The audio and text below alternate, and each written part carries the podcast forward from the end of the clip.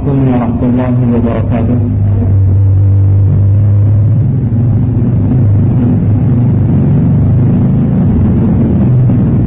إن الحمد لله نحمده ونستعينه ونستغفره ونعوذ بالله من شرور أنفسنا ومن سيئات أعمالنا. من يهده الله فلا مضل له ومن يضلل فلا هادي له. أشهد أن لا إله إلا الله وحده لا شريك له. وأشهد أن محمدا عبده ورسوله. يا أيها الذين آمنوا اتقوا الله حق تقاته ولا تموتن إلا وأنتم مسلمون.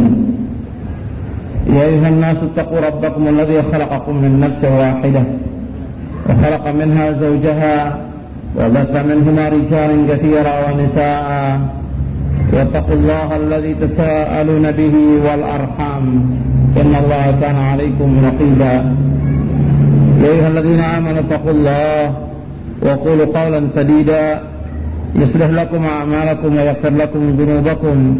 ومن يطع الله ورسوله فقد فاز فوزا عظيما. أما بعد فإن أصدق الحديث كتاب الله. وقرأ الهدي هدي محمد صلى الله عليه وعلى آله وسلم. وشر الأمور محدثاتها وكل محدثة بدعة وكل بدعة ضلالة وكل ضلالة في النار.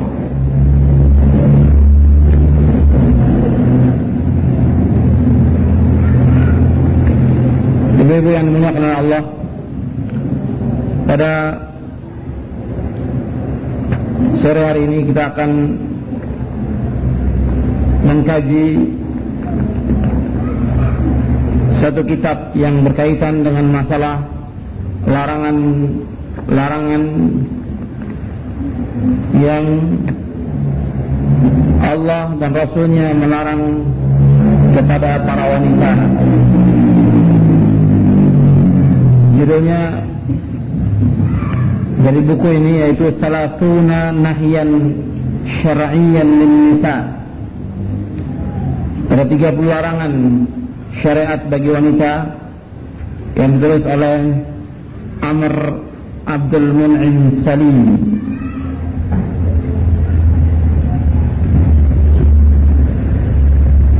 Yang saya akan sampaikan pada kajian kita kali ini tidak seluruh dari larangan itu akan tetapi sebagian yang Allah dan Rasulnya melarang kepada wanita agar wanita ini tidak melakukan perbuatan itu.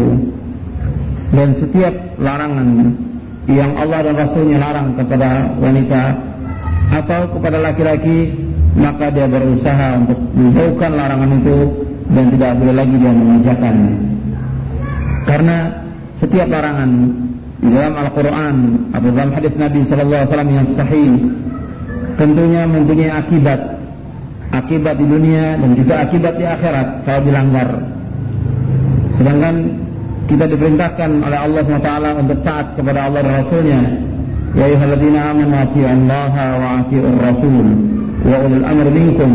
Wahai orang-orang yang beriman, taatlah kamu kepada Allah dan taatlah kepada Rasul dan ulil amri yang kamu. Kemudian kalau ada perselisihan, Allah katakan lagi dalam ayat فإن تنازعتم في شيء فردوه إلى الله والرسول إن كنتم تؤمنون بالله واليوم الآخر ذلك خير مما أحسن تأويلا dan jika kamu berselisih tentang satu perkara maka kembalikanlah kepada Allah dan Rasulnya kembalikan kepada Allah dan Rasulnya arti kembalikan kepada Al-Quran dan kembalikan kepada Sunnah yang demikian itu yang terbaik dan sebaik-baik tafsir dan kita diperintahkan juga di dalam ayat Al-Quran kita wajib taat kepada Rasulullah sallallahu alaihi wasallam. Rasulullah sallallahu wasallam Rasulullah sallallahu sebagai uswah kita, sebagai teladan kita. Dan Rasulullah diberikan wewenang untuk menjelaskan ayat-ayat Al-Qur'an dan kita diwajibkan untuk taat kepada Rasulullah dan taat kepada Rasulullah sama dengan taat kepada Allah. Allah berfirman di dalam Al-Qur'an di dalam surah An-Nisa ayat 80 Allah berfirman yuti'ir rasul faqad ata Allah wa man tawalla fama arsalnaka alaihim hafiza. Dan barang siapa yang taat kepada Rasul berarti dia taat kepada Allah. Dan barang siapa yang berpaling kami tidak atas engkau sebagai penjaga atas mereka.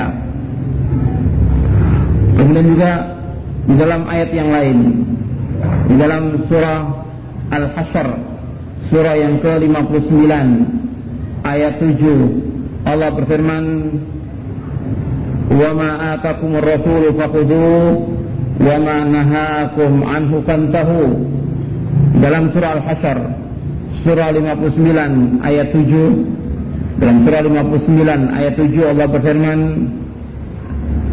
wa ma atakumur rasul wa ma nahakum anhu fantahu wattaqullaha innallaha syadidul iqab wa ma atakumur rasul fakhudhuhu dan apa saja yang datang kepada kamu dari Rasul fakhudhu maka ambillah. wa ma nahakum anhu fantahu dan apa yang dilarang adalah kamu tinggalkan.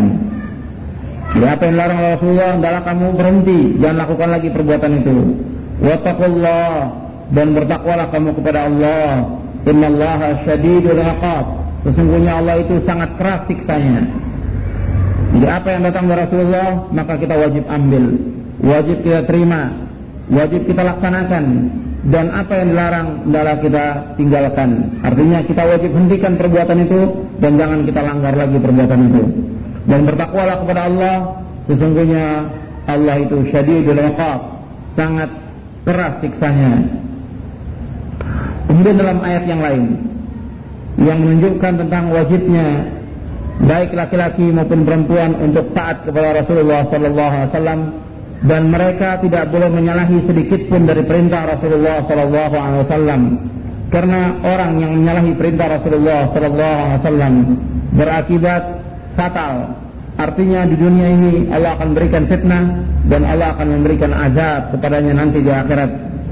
Sebagaimana Allah berfirman di dalam surah An-Nur. Surah An-Nur surah yang ke-24 ayat 63 dalam surah An-Nur, surah yang ke-24 ayat 63 Allah berfirman, "Falyahdharil ladzina yukhalifuna an amrihi an tusibahum fitnatun aw yusibahum 'adzabun alim." Maka hendaklah berhati-hati orang-orang yang menyalahi perintahnya yaitu perintah Rasulullah sallallahu alaihi wasallam antusibahum fitnah yaitu akan ditimpa kepada mereka fitnah atau yusibahum azabun alim. Atau mereka ditimpa azab yang pedih. Jika seorang muslim atau seorang muslimah maka mereka wajib berhati-hati jangan sampai mereka menyalahi perintah Rasulullah sallallahu alaihi wasallam. Karena kalau menyalahi perintah itu mereka akan terkena fitnah dan mereka akan disiksa oleh Allah dengan azab yang pedih. Dan kita diwajibkan oleh Allah untuk taslim, artinya tunduk kepada apa yang Allah dan Rasulnya putuskan. Apakah yang diperintahkan itu dari apa-apa yang wajib atau yang dilarang itu dari larangan-larangan yang haram, maka kita wajib melaksanakan perintah itu dan kita menjauhkan yang dilarang. Karena taslim ini sangat penting. Banyak kaum muslimin atau muslimat yang mereka mencari-cari hilah atau jalan supaya mereka bisa bebas dari beban syariat yang Allah dan Rasulnya bebankan. Dan justru dengan itu dia akan berakibat fatal. Artinya dia akan mendapatkan fitnah di dunia ini dan di akhirat akan mendapatkan azab dari Allah Subhanahu wa taala. Wal Dan manusia kalau ingin selamat dan ingin masuk jannah, siapa saja, apakah dia laki-laki atau wanita, yang penting dia taat kepada Allah dan Rasulnya, maka dia akan masuk jannah. Jadi dikatakan Rasulullah, "Kullu ummati yadkhuluna jannah illa man aba." Setiap umatku pasti akan masuk surga kecuali yang enggan. Kemudian Rasulullah siapa yang enggan itu? Man ata'ani dakhala jannah wa man asani faqad aba. Barang siapa yang taat kepadaku maka dia akan masuk surga dan barang siapa yang durhaka kepadaku maka berarti dia enggan untuk masuk surga. Hadis sahih diriwayatkan oleh Imam Bukhari. Jadi setiap umat akan masuk surga tentunya bagi yang taat kepada Allah dan taat kepada Rasulullah sallallahu. Kemudian Rasul mengatakan kecuali yang enggan. Berarti orang yang tidak masuk surga itu yaitu yang enggan. Siapa yang enggan itu? Yaitu orang yang durhaka, orang yang tidak taat kepada Rasulullah SAW, orang-orang yang melanggar apa-apa yang dilarang oleh Rasulullah SAW, orang-orang yang melanggar apa-apa yang diperintahkan oleh Rasulullah SAW. Karena itu setiap muslim dan muslimah dia wajib taslim, wajib tunduk kepada ketentuan Allah dan Rasulnya. Dan di dalam Al-Quran juga berapa ayat kita diperintahkan untuk taslim, artinya tunduk menyerah kepada apa yang Allah dan Rasulnya putuskan dan terutama lagi kepada Eh, yang Allah berikan wewenang Rasulullah ini untuk menjelaskan kita taslim kepada apa yang Rasulullah putuskan dalam satu hukum kita wajib taslim. Taslim itu artinya menyerah tunduk taat. Allah berfirman di dalam surah An-Nisa. Dalam surah An-Nisa surah yang keempat ayat 65 dalam surah yang keempat ayat 65 Allah berfirman ربك لا يؤمنون حتى يحكموك فيما شَجَرَ بَيْنَهُمْ ثم لا يجدوا فِي أنفسهم حرجا مما قَضَيْتَ ويسلموا تسليما Dan surah An-Nisa ayat 65 Allah berfirman Demi Rabbimu Mereka tidak dikatakan beriman Sehingga mereka menjadikan kamu Muhammad sebagai hakim terhadap apa-apa yang mereka perselisihkan di antara mereka. Kemudian mereka tidak dapati dalam diri mereka rasa haraj, rasa sempit dari apa-apa yang kau putuskan. Wa yusallimu taslima dan mereka tunduk dengan setunduk-tunduknya. Jadi kalau Allah dan Rasulnya sudah putuskan bahwa ini perkara wajib, maka setiap muslim dan muslimah wajib melaksanakannya. Kalau Allah Rasulnya memutuskan bahwa ini dilarang, bahwa ini perbuatan haram, maka kita juga wajib menjauhkan dan kita berhenti jangan melakukan lagi perbuatan yang haram itu. Dan tidak boleh bagi laki-laki dan wanita untuk memilih-milih. Kalau Allah dan Rasulnya sudah putuskan satu perkara, tidak boleh pilih-pilih lagi. Jangan mengatakan kalau yang ini saya laksanakan, kalau yang itu tidak saya laksanakan. Kalau yang ini ringan untuk saya, kalau yang itu berat. Jadi mengambil yang enak saja, kemudian yang lainnya ditinggalkan. Dalam Islam tidak dibenarkan yang seperti itu. Kewajibannya untuk taslim dalam keseluruhan apa yang Allah Rasulnya sudah putuskan. Dan orang yang durhaka kepada Allah Rasulnya dikatakan oleh Allah dalam Al-Quran mereka termasuk orang-orang yang sesat dengan kesesatan yang nyata. Seperti disebutkan di dalam surah Al-Ahzab, surah yang ke-33 ayat 36 dalam surah Al-Ahzab surah 33 ayat 36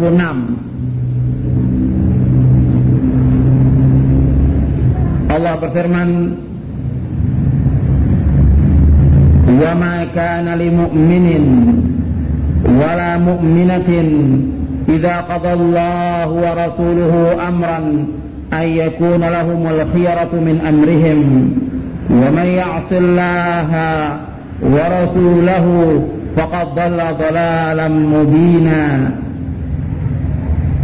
dan tidak patut bagi mukmin laki-laki dan mukmin perempuan apabila Allah dan Rasulnya sudah putuskan satu perkara maka tidak patut bagi mereka untuk memilih-milih dari urusan mereka وَمَنْ يَعْصِ اللَّهَ وَرَسُولَهُ فَقَدْ ضَلَّ ضَلَالًا مُبِينًا dan barang siapa yang durhaka kepada Allah dan kepada Rasulnya maka sungguh dia telah sesat dengan kesesatan yang nyata jadi tidak patut bagi mukmin dan mukminah jadi mukmin laki-laki dan mukmin perempuan apabila Allah dan Rasulnya sudah putuskan satu perkara maka tidak patut bagi mereka untuk memilih-milih dipilih yang enak saja adapun yang terasa menurut dia berat maka itu tidak dilaksanakan atau perbuatan itu yang dilarang itu mereka tidak mau tinggalkan Yang seperti ini tidak boleh. Artinya kalau berupa perintah kita wajib laksanakan. Kalau berupa larangan maka kita harus berusaha bagaimana berhenti jangan sampai kita melakukan lagi yang dilarang oleh Allah dan Rasulnya. Karena kalau kita memilih-milih apa yang Allah dan Rasulnya sudah putuskan, disebutkan dalam ayat ini barang siapa yang durhaka, barang siapa yang maksiat kepada Allah dan Rasulnya, maka sungguh dia telah sesat dengan kesesatan yang nyata. Itu yang dimaksud Allah pada sore ini kita akan bahas beberapa larangan yang disebutkan di dalam ayat Al-Quran maupun hadis Nabi Sallallahu Alaihi Wasallam yang masih banyak dilanggar oleh kaum wanita. Karena itu saya akan bacakan beberapa larangan-larangan ini. Saya katakan tadi saya ambil dari kitab Salatun Nahyan Syar'iyan lin Nisa 30 larangan syariat bagi wanita tapi saya sebutkan hanya berapa saja tidak seluruhnya juga saya ambil dari beberapa kitab yang lain yang terang juga dalam kitab eh, dosa-dosa eh, yang dianggap biasa yang ditulis oleh Syekh Al-Munajjid di antaranya yang pertama yaitu berbuat syirik. Kalau ini umum, umum untuk laki-laki dan perempuan. Syirik ini hukumnya dosa besar dan termasuk dosa besar yang paling besar.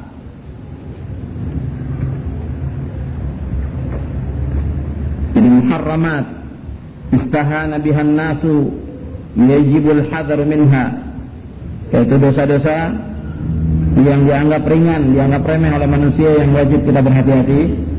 Yang pertama, dosa yang paling besar, dosa besar yang paling besar yang sudah saya sampaikan pada dua pekan yang lalu. Yang pertama syirik dan sudah saya jelaskan tentang akibat-akibat orang-orang yang berbuat syirik. Ya, orang berbuat syirik itu tidak akan diampuni dosanya oleh Allah dasar surah An-Nisa ayat 48 dan surah An-Nisa ayat 116. Inna Allah la yaghfiru an yushraka bihi wa yaghfiru ma duna dzalika liman yasha. Sesungguhnya Allah tidak mengampuni orang yang berbuat syirik dan Allah mengampuni dosa selain itu bagi siapa yang ia kehendaki. Juga Nabi SAW mengatakan bahwa syirik ini termasuk dosa besar yang paling besar. Akbarul kabair. Dosa besar yang paling besar. Kemudian yang kedua, yang termasuk juga yang dilarang larangan yang kedua yaitu mendatangi dukun atau ahli nujum atau tukang sihir atau paranormal atau orang pintar. Dalam Islam perbuatan ini termasuk perbuatan dosa besar. Dan ancamannya berat bagi orang yang melakukan demikian. Karena orang-orang yang datang ke sana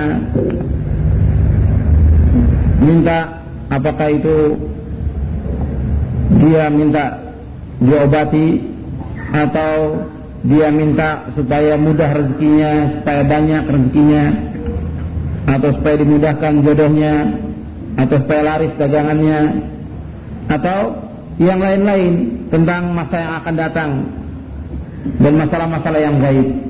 Tentang yang seperti ini Rasulullah mengatakan man ata arrafan fasa'alahu an syai'in fasaddaqahu lam tuqbal lahu salatun arba'ina yauman rawahu muslim Barang siapa yang mendatangi seorang peramal seorang dukun lalu menanyakan sesuatu dan mempercayainya maka salatnya tidak akan diterima selama 40 hari orang yang datang ke dukun itu tidak akan diterima sholatnya selama 40 hari. Datang ke tukang sihir, datang ke orang pintar, dan dukun-dukun ini di Indonesia ini terlalu gampang dikatakan seperti kiai. Padahal dukun itu dia tukang sihir, tapi orang masyarakat menyebutnya dia seorang kiai. Padahal jelas-jelas yang dipakai itu mantra-mantra. Kemudian ada sesajen yang dia lakukan, kemudian juga ada syarat-syarat tertentu dan yang lainnya mereka lakukan ini perbuatan adalah perbuatan syirik yang mereka lakukan dan orang yang datang ke sana termasuk orang yang tidak akan diterima salatnya selama 40 malam. Bahkan lebih keras daripada itu disebutkan bahwa orang yang melakukan demikian itu dia telah kufur kepada apa yang diturunkan oleh Allah kepada Nabi Muhammad wasallam. Nabi SAW bersabda, "Laisa minna man tatayyara lahu au takahana au takahana sahara au suhira lahu wa man ata kahinan fasaddaqahu bima yaqul faqad kafara bima unzila ala Muhammadin." Rawahu al-Bazzar bi isnadin jayyid. Nabi bersabda dari sahabat Imran bin Husain dia berkata telah bersabda Rasulullah sallallahu alaihi wasallam tidak termasuk golongan kami orang yang meramal dan minta diramal. Ya tidak termasuk golongan kami kata Rasulullah orang yang meramal dan minta diramal. Atau orang yang datang ke dukun. Orang yang datang ke dukun dan minta didatangkan dukun kepadanya. Kemudian orang yang menyihir dan minta disihir Ya, yang melakukan sihir dan juga orang-orang yang minta supaya orang lain itu disihir. Jadi kata Nabi tidak termasuk golongan kami. Karena kata Nabi, barang siapa mendatangi seorang dukun, lalu ia membenarkan apa yang dikatakannya, maka ia telah kufur kepada apa yang telah diturunkan kepada Nabi Muhammad SAW. Hadis ini diriwayatkan oleh Imam Bazzar dengan sanad yang jayid. Jadi orang yang yang datang ke dukun itu berarti dia telah kufur kepada apa yang diturunkan oleh Allah kepada Nabi Muhammad SAW yaitu dia telah kufur kepada Al-Quran. Di dalam Al-Quran Allah menyebutkan bahwa yang mengetahui yang gaib hanya Allah. Tidak ada yang tahu yang gaib di langit dan di bumi kecuali hanya Allah saja. Seperti Allah menyebutkan dalam Al-Quran Qul la ya'lamu man fis samawati wal ardil ghaiba illallah wa ma yash'uruna ayyana yub'atsun bahwa tidak ada yang tahu di langit dan di bumi yang gaib itu kecuali hanya Allah dan mereka tidak tahu kapan mereka itu dibangkitkan. Kemudian juga dalam surah Jin dalam surah Jin juga Allah berfirman tentang yang gaib bahwa yang gaib itu tidak ada yang tahu. Alimul ghaib fala yudhiru ala ghaibihi ahada illa man irtada min rasulin Kata Allah dalam surah Jin ayat 26 dan 27 Alimul ghaibi. Allah mengetahui yang gaib. Fala yudhiru ala ghaibihi ahada. Dan tidak ada yang mengetahui yang gaib itu seorang pun juga. Arti Allah tidak akan tampakkan yang gaib itu kepada seorang pun juga. Illa manirtada mir rasulin. Kecuali kepada rasul yang dicintainya yang diridai oleh Allah. Dan ada beberapa rasul yang di Beritahu oleh Allah tentang masalah-masalah yang gaib. Pada hakikatnya tidak ada seorang pun yang tahu masalah yang gaib. Kalau ada orang yang datang ke dukun, kemudian dia mengatakan ada yang dikatakan itu benar. Yang benar itu kata Nabi satu, tapi dicampur dengan seratus kebohongan. Jadi ketika ada seorang wanita bertanya ya Rasulullah, terkadang mereka para dukun memberitahukan kepada kami tentang sesuatu dan sama dengan kejadiannya atau betul seperti yang dia ramalkan atau seperti yang dia sebutkan. Kemudian Rasul mengatakan itu adalah kalimat kebenaran yang mereka sambar. Artinya yang disambar oleh jin yang kemudian jin ini membisikkan ke telinga para dukun yang selanjutnya mereka mencampurkan dengan seratus kebohongan. Jadi ada memang satu atau dua yang betul, yang betul akan tetapi dicampur dengan seratus kebohongan. Jadi hukum yang seperti ini hukumnya haram dan termasuk dosa besar. Hukum sihir ini dalam Islam sangat dilarang. Jadi tidak boleh orang datang ke dukun bagaimanapun keadaan dia. Penyakit yang sangat berat sekalipun juga tidak boleh datang. Yang dikatakan orang pintar atau dukun atau paranormal tidak boleh datang. Dan kalau sampai dia datang dan kemudian dia tidak sembuh dan mati dalam keadaan demikian, maka dia mati dalam keadaan syirik. sekarang ini yang menjamur ya paranormal ini menjamur dan diberikan kebebasan sehingga mereka membuka praktek-praktek di tempat-tempat umum orang-orang pintar ini dukun-dukun paranormal dan kita tidak boleh mendatangi atau bertanya kepada mereka tentang sesuatu. Kalau kita datang dan bertanya, maka tidak akan diterima salat kita selama 40 hari. Dan justru di zaman kejayaan Islam ini, orang-orang yang seperti ini mereka disingkirkan, disuruh untuk bertaubat. Dan tukang-tukang sihir ini disuruh untuk bertaubat. Kalau tidak bertaubat dibunuh. Bahkan di zaman Umar, orang-orang seperti ini dibunuh. Karena tukang sihir itu sudah dianggap kafir. Karena kafir, maka dia harus dibunuh. Sebab dukun atau tukang sihir dia bisa memanggil jin atau jin itu dia mau atau dia suruh, itu dia harus kufur dulu kepada Allah. Kalau dia tidak kufur, jin itu tidak mau datang. Jadi harus dia kufur. Karena itu di dalam Al-Quran dikatakan bahwa tukang-tukang sihir itu dikatakan kafir. Dan zaman Umar bin Khattab dan dibunuh dan eh, Hafsah juga menyuruh untuk membunuh tukang-tukang sihir dan ada termaktub dalam kitab Tauhid. Kemudian yang ketiga, yang ketiga yang termasuk larangan yang kalau yang tadi yang pertama dan kedua ini termasuk larangan untuk laki-laki dan perempuan. Nah, sekarang mulai yang ketiga ini masuk kepada larangan-larangan yang dilanggar oleh para wanita yang tidak boleh dia melakukan perbuatan ini. Yaitu larangan menyambung rambut. Larangan menyambung rambut termasuk yang dilarang oleh Rasulullah sallallahu alaihi wasallam. Rasulullah bersabda la'anallahu al-wasilata wal mustawsilah muttafaqun alaihi Allah melaknat perempuan yang menyambung rambut dan minta disambung rambutnya.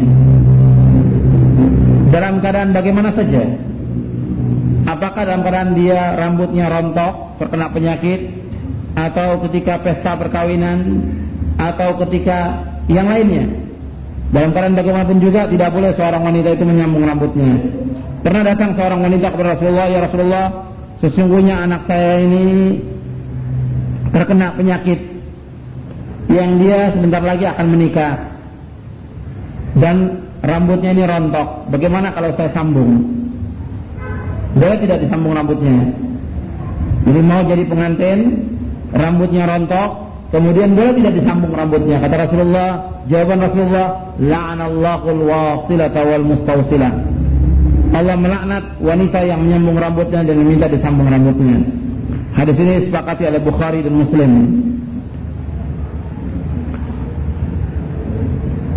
Ada dua riwayat yang seperti ini yang sama tentang larangan menyambung rambut.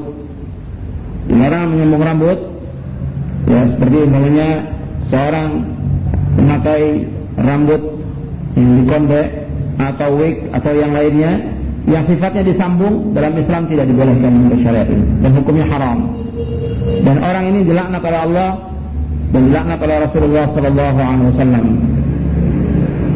Kemudian yang keempat, larangan membuat tato atau mencukur alis dan merenggangkan gigi. Ini juga termasuk yang dilarang.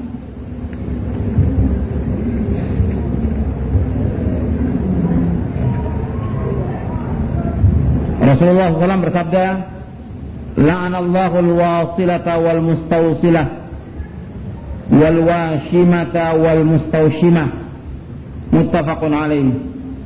Rasulullah yang melaknat wanita yang menyambung rambutnya dan wanita yang minta disambungkan rambutnya. Wanita yang mentato kulitnya dan wanita yang minta dibuat tato tentang mentato ini umum laki-laki dan perempuan sama. Tentang tidak bolehnya Artinya tentang mentato ini sama hukumnya. Laki-laki dan perempuan tetap hukumnya haram.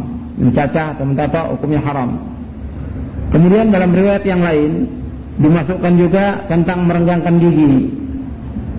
Yaitu wanita-wanita yang merenggangkan giginya yang dia kikir supaya bagus ini juga termasuk yang tidak boleh. Mencukur alis juga termasuk yang dilarang. Mencukur alis dalam hadis Nabi sallallahu alaihi wasallam disebutkan bahwa wanita yang mencukur alisnya hukumnya haram dan Allah melaknat wanita yang mencukur alisnya. Ini banyak dilakukan oleh wanita. Ini banyak dilakukan tentang mencukur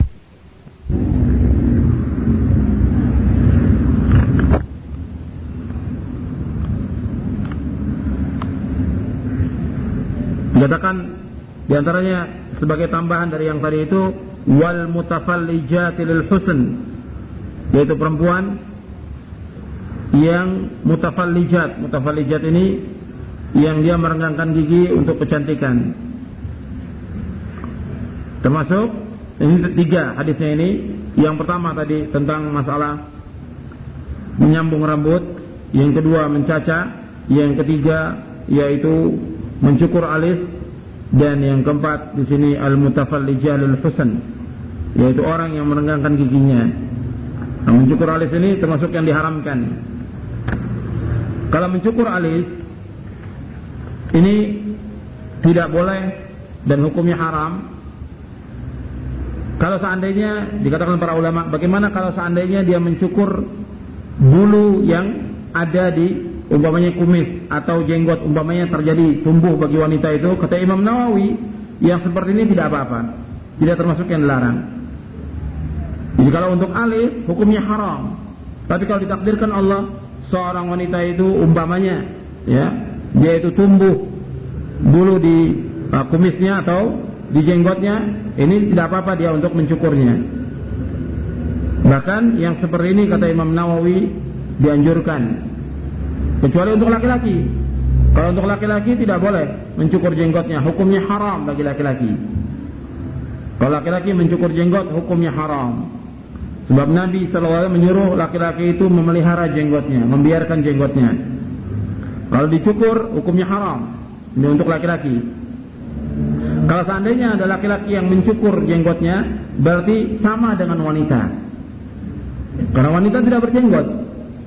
Karena itu para ulama menyamakan laki-laki yang mencukur jenggotnya itu sama dengan wanita. Dan termasuk laki-laki yang dilaknat oleh Allah karena dia mencukur jenggotnya. Kemudian juga di dalam beberapa hadis ini sudah saya sampaikan tentang e, mencukur jenggot pada waktu pengajian malam Senin. Sudah saya sampaikan dan termasuk berkali-kali saya sudah sampaikan tentang haramnya laki-laki mencukur jenggot itu. Kemudian larangan yang lain. Saya tambahkan uh, keterangan yang tadi supaya lengkap hadisnya.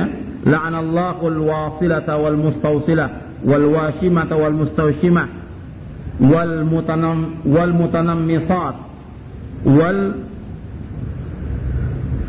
wal mutanammisat. Mutanammisat itu artinya perempuan yang mencukur alisnya, kemudian wal mutafallijatil husn dan perempuan yang merapikan giginya untuk apa menggunakan giginya untuk uh, kecantikan.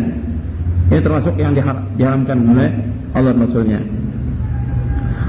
Kemudian larangan lain lagi yang ke lima kalau tadi menjadi satu yang keempat itu.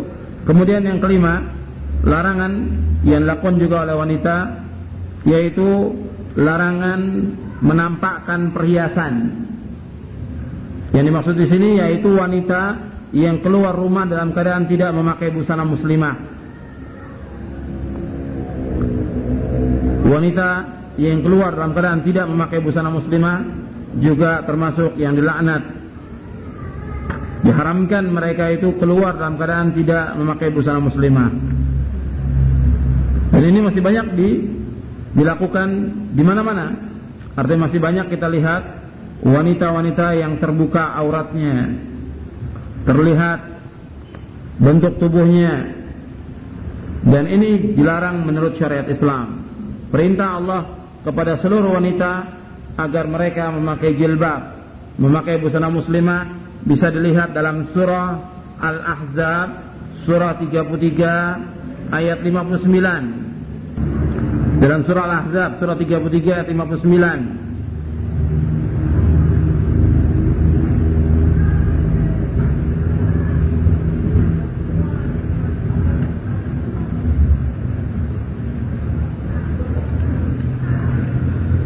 يا أيها النبي قل لأزواجك وبناتك ونساء المؤمنين يدنين عليهن من جلابيبهن ذلك أدنى أن يعرفن فلا يؤذين وكان الله غفورا رحيما Wahai Nabi, katakanlah kepada istri-istrimu, anak-anak perempuanmu, dan kepada kaum mukminin, artinya nisa mukminat, kepada para wanita agar mereka mengulurkan jilbab-jilbab mereka yang demikian lebih rendah untuk dikenal dan mereka tidak diganggu dan Allah Maha Pengampun lagi Maha Penyayang.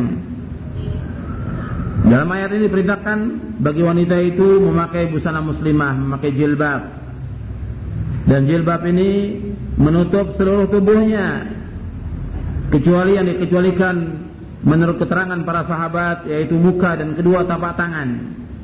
Artinya seluruhnya wajib ditutup, yang boleh terlihat hanya muka dan kedua tapak tangannya.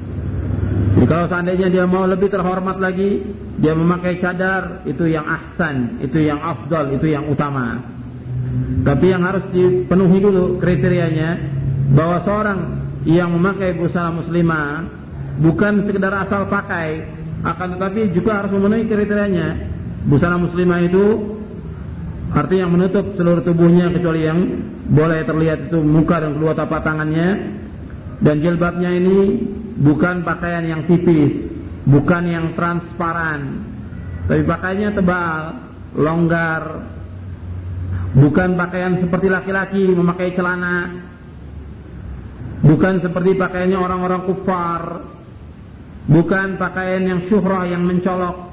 Itu disebutkan syarat-syaratnya oleh para ulama. Jadi bukan hanya sekedar memakai saja, akan tetapi syarat-syaratnya itu harus dipenuhi. Nah, ada juga sebagian wanita alhamdulillah sudah memakai busana muslimah, tetapi syaratnya belum terpenuhi. Karena itu harus dipenuhi syarat-syaratnya. Jadi pakaian itu harus menutupi seluruh tubuh. Pakaian itu harus menutupi seluruh tubuh. Sebab Allah mengatakan dalam Al-Quran dalam surah An-Nur, "Wala yubdina zinatahunna illa ma zahara minha." Dan tidak boleh mereka menampakkan perhiasan mereka kecuali yang tampak. Dijelaskan di antaranya yang tampak itu yaitu muka dan kedua tapak tangan. Meskipun ada yang menafsirkan lain tentang makna ini. Jadi seluruh tubuhnya harus ditutup. Kemudian di antaranya lagi yang disebutkan tentang syarat kriteria busana muslimah ini yaitu tidak boleh sempit, tidak boleh ketat. Jadi harus menutup seluruh tubuhnya. Yang kedua syaratnya itu tidak boleh sempit, tidak boleh ketat. Sebab dengan pakaian yang ketat itu akan terlihat bentuk tubuhnya. Akan terlihat lekuk tubuhnya. Ini tidak dibenarkan menurut syariat Islam. Kemudian yang ketiga syarat yang ketiga yaitu tidak boleh menyerupai pakaian laki-laki. Karena itu dilarang. Wanita yang memakai pakaian laki-laki dan laki-laki yang memakai pakaian perempuan dan dilaknat oleh Rasulullah. Kata Abu Hurairah, la'ana Rasulullah sallallahu alaihi wasallam ar-rajul yalbasu libsatal mar'ah wal mar'ah talbasu libsatar rajul. Akhrajahu Abu Dawud wan Nasa'i wa, wa Ahmad wan Nasa'i fi Isyratin Nisa. Dari Abu Hurairah ia berkata telah Rasulullah telah melaknat laki-laki yang memakai pakaian wanita dan wanita yang memakai pakaian laki-laki. Nah, kadang-kadang ada juga yang suami pakai pakaian istrinya, istrinya pakai celana suaminya. Itu yang misal tidak dibolehkan. Hukumnya haram dan dilaknat oleh Rasulullah sallallahu alaihi wasallam. Hadis ini sahih diriwayatkan oleh Abu Daud, Ahmad dan Nasai. Kemudian untuk wanita, untuk wanita kalau dia memakai pakaian seandainya pakaian ini menutupi mata kaki tidak jadi masalah bagi wanita. Arti karena kakinya juga harus dia tertutup dan memakai kaos kaki. Jadi yang boleh terlihat hanya muka dan kedua telapak tangan, berarti kakinya juga harus tertutup. Karena itu untuk wanita, seandainya pakaian itu melewati mata kaki tidak jadi masalah. Yang jadi masalah itu untuk laki-laki. Kalau untuk laki-laki tidak dibenarkan kain atau celananya melewati mata kaki. Kalau untuk laki-laki tidak dibenarkan celana atau kainnya itu melewati mata kaki yang diistilahkan dengan isbal. Isbal bagi laki-laki tidak boleh. Jadi kain atau celana melewati mata kaki itu kata Nabi ma asfala minal ka'baini minal izari fafin nar. Yaitu setiap apa-apa yang melewati mata kaki dari kain maka tempatnya di neraka. Hadis ini sahih riwayat Bukhari. Tapi kalau untuk wanita tidak terkenal larangan ini. Sebab wanita kakinya itu wajib ditutup. Maka dia tutup dengan memakai kaos kaki atau kainnya itu dilebihkan.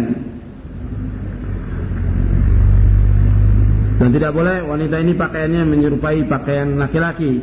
Bahwa ada juga yang atasnya pakai jilbab, bawahnya pakai celana. Bahkan ada yang lebih sadis lagi pakai blue jean yang ketat. Ini tidak dibolehkan. Jadi kalau memakai busana muslimah yang seluruhnya dan tidak ada istilah pakai uh, busana muslimah itu cuma pakai topi saja. Ada wanita yang cuma pakai topi, lehernya terlihat, di tangannya terlihat, sekedar asal pantas saja. Dalam Islam tidak boleh, harus seluruhnya secara kafah itu harus dilaksanakan. Artinya seluruh tubuhnya harus tertutup, pakaiannya itu harus longgar, tidak ketat dan tidak boleh menyerupai laki-laki, pakaian laki-laki. Kemudian di antaranya syarat-syarat yang lain itu yaitu pakaian itu bukan pakaian yang bentuknya perhiasan. Maksudnya Artinya pakaian yang tidak mencolok.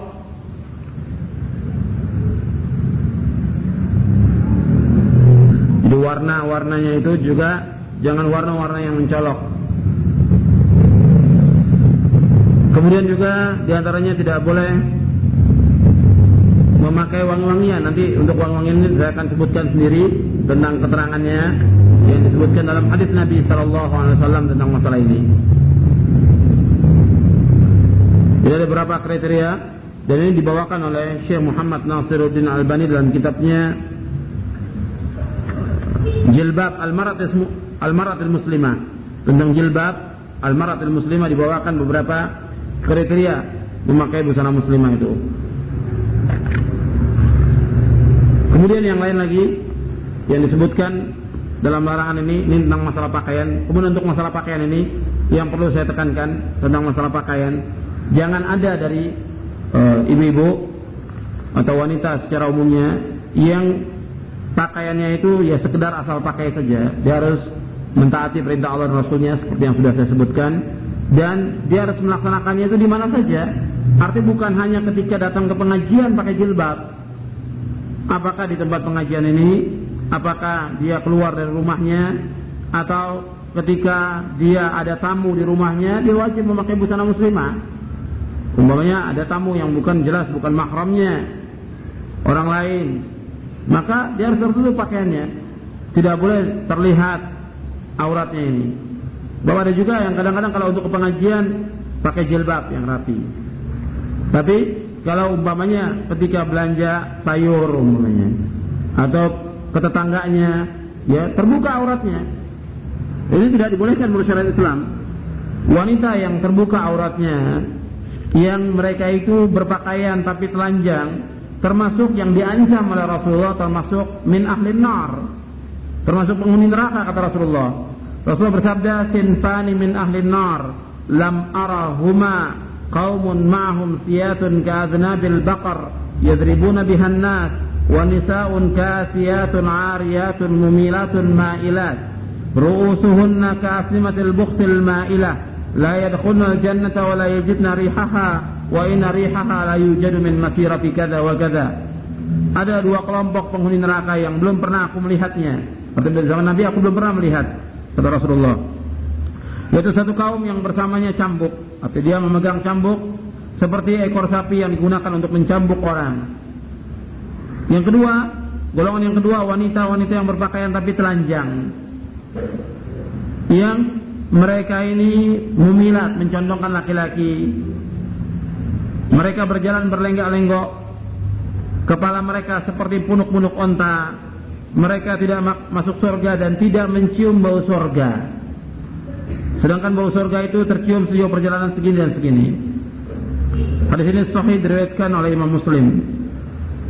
Ya tidak boleh mereka itu sampai terlihat auratnya terbuka atau mereka berpakaian dan pakaiannya itu bukan menutup aurat tapi pakaian yang telanjang seperti mau pakai rok atau pakai jilbab tapi tipis transparan atau pakai juga tetapi ketat ini masih terlihat berpakaian tapi telanjang dan ibu-ibu wajib juga mendakwakan kepada yang lain bagaimana caranya supaya mereka itu tidak tabarruj supaya mereka tidak tampak auratnya tidak tampak perhiasannya Sebab tabarruj ini termasuk yang dilarang oleh Allah dalam Al-Quran. Wala tabarrujna tabarrujal jahiliyatil ula.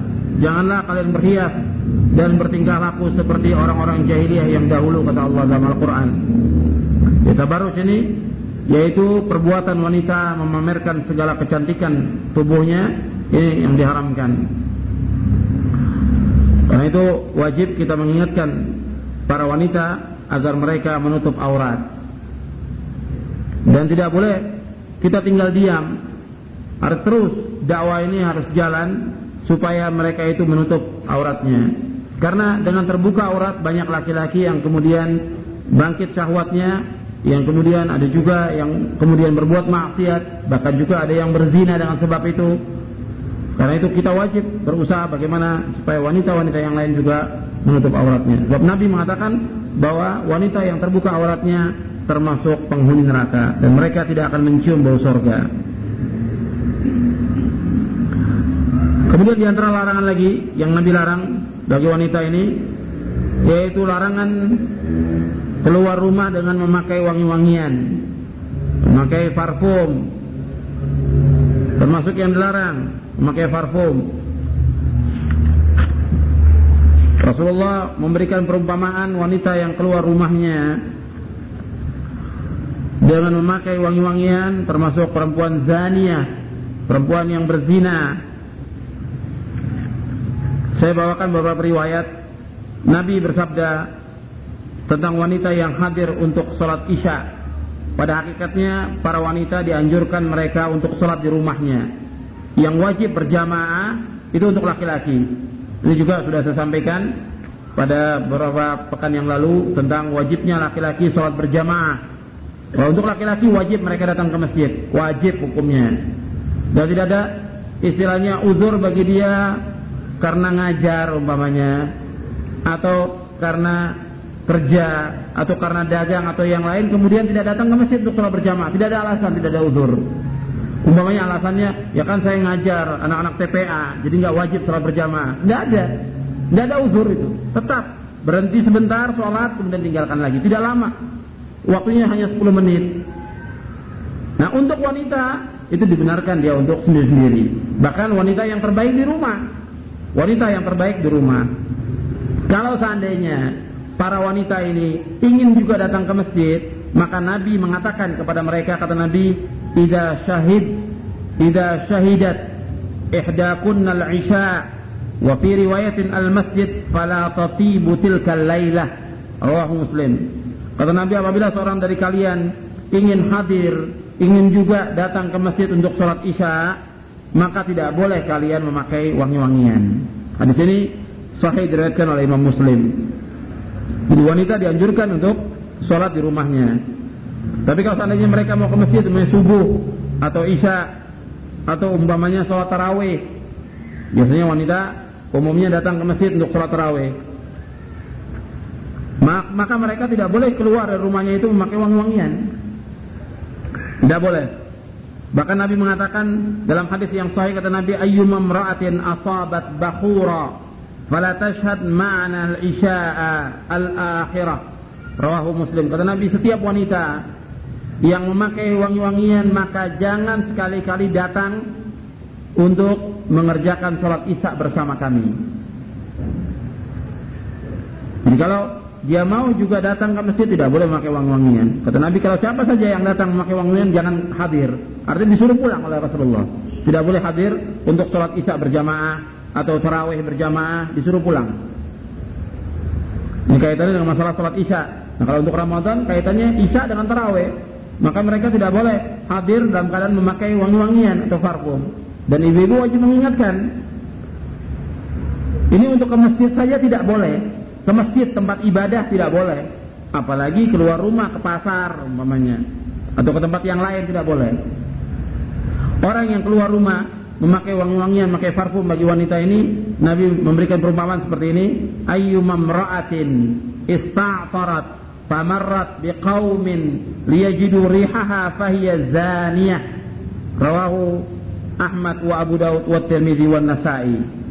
Kata Nabi setiap wanita yang mana saja yang memakai wangi-wangian lalu ia berjalan melewati satu kaum dan tercium baunya, bau wanginya itu, maka berarti dia telah berzina. Ini perempuan ini zania, dikatakan perempuan lacur oleh Rasulullah SAW. Yang mengatakan begini Rasulullah SAW. Hadis ini sahih, diriwayatkan oleh Imam Ahmad, Abu Daud, Tirmidzi, dan Nasai. Jadi mereka boleh memakai wangi-wangian di rumah untuk suaminya, atau mereka mandi minyak wangi pun boleh di rumahnya. Mandinya pakai minyak wangi boleh di rumahnya. Untuk suaminya, tapi kalau keluar rumah tidak dibolehkan.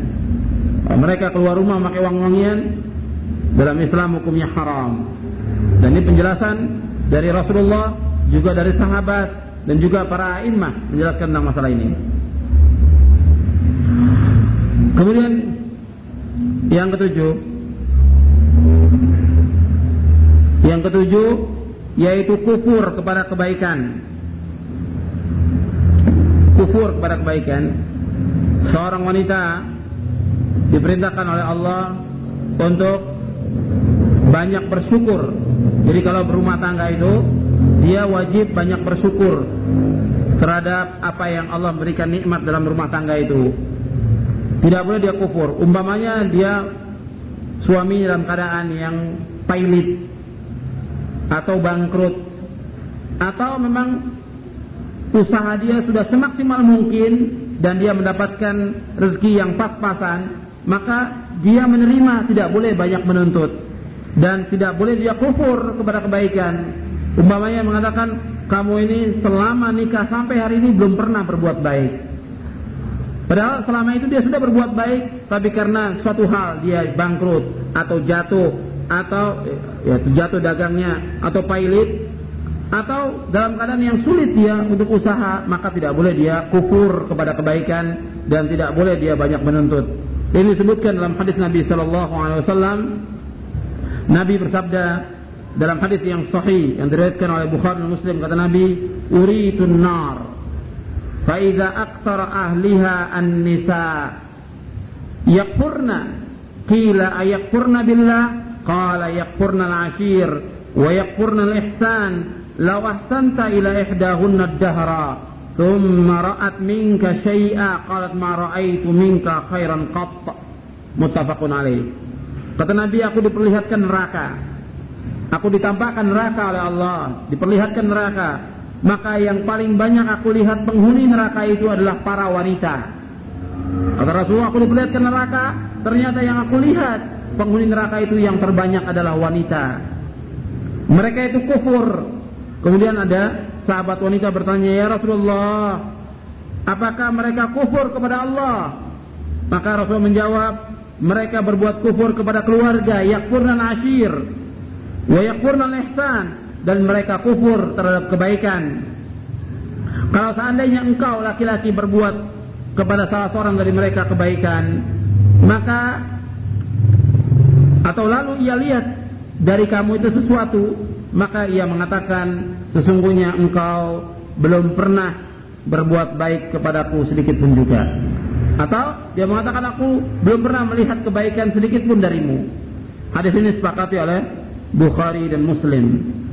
Ini sabda Rasulullah dan Rasulullah tidak berdusta.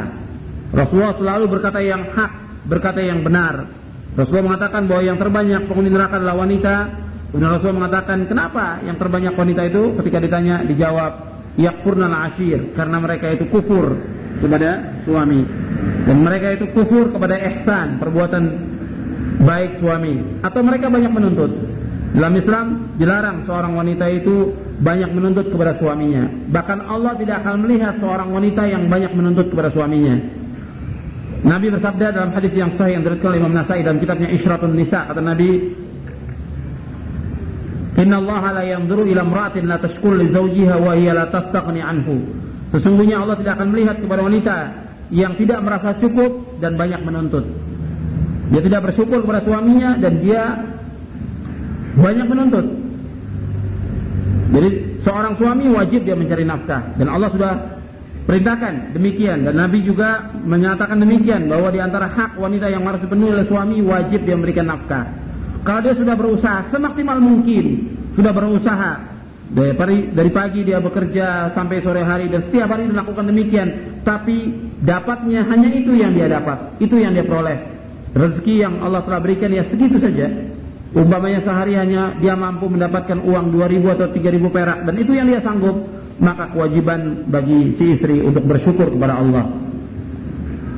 Jadi dia harus menyuruh suaminya untuk berusaha.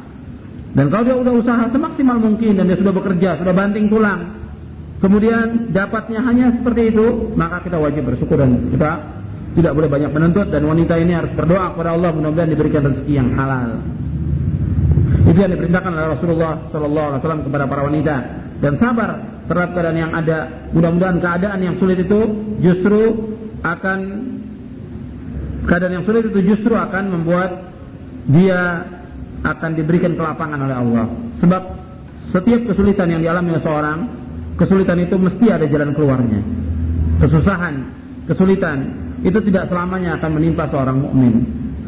Sebab Nabi mengatakan wa'lam anna nasra ma'as sabr wa anna al-faraja ma'al karab wa anna ma'al usri yusra. Ketahuilah sesungguhnya kemenangan itu ada bersama kesabaran. Kemudian kelapangan itu ada bersama kesulitan. Dan setiap kesulitan bersamanya ada kelapangan, ada kemudahan. Jadi mesti setiap kesulitan apakah dalam masa maisha, mata pencarian atau dalam masalah yang lainnya, insya Allah sudah itu Allah akan berikan kemudahan. Kemudian di antaranya lagi yang lain yang termasuk yang dilarang ini untuk wanita dan untuk seluruhnya yaitu tentang mengganggu tetangga, menyakiti tetangga. Ini termasuk juga yang diharamkan. Dalam Islam, seorang yang mengganggu tetangganya itu akibatnya berat. Yaitu dia tidak akan masuk surga. Dalam artian dia akan dimasukkan ke dalam neraka. Bukan berarti dalam neraka itu kekal. Selama dia masih ada iman akan masukkan ke surga nanti. Tapi dicuci dulu dalam neraka jadi wanita yang mengganggu tetangganya atau laki-laki yang mengganggu tetangganya maka mereka ini akan diazab pada Allah dalam ayat-ayat Al-Quran dan hadis Nabi diperintahkan kita untuk berbuat baik kepada tetangga wajib kita berbuat baik pada tetangga. Di antaranya dalam surah An-Nisa ayat 36. Diperintahkan kita berbuat baik kepada tetangga wal jaridil qurba wal jaril junub. Dan kepada tetangga yang dekat dan tetangga yang jauh kita wajib berbuat baik. Kemudian Jibril juga selalu mewasiatkan kepada Rasulullah agar berbuat baik kepada tetangga. Kata Nabi, Mazala Jibril yusini bil jar hatta dhanantu annahu sayartuhu. Tetaplah Jibril itu berwasiat kepadaku agar aku selalu berbuat baik pada tangga sehingga aku menyangka bahwa tetangga ini mendapatkan warisan. Artinya diperintahkan kita untuk berbuat baik pada tetangga.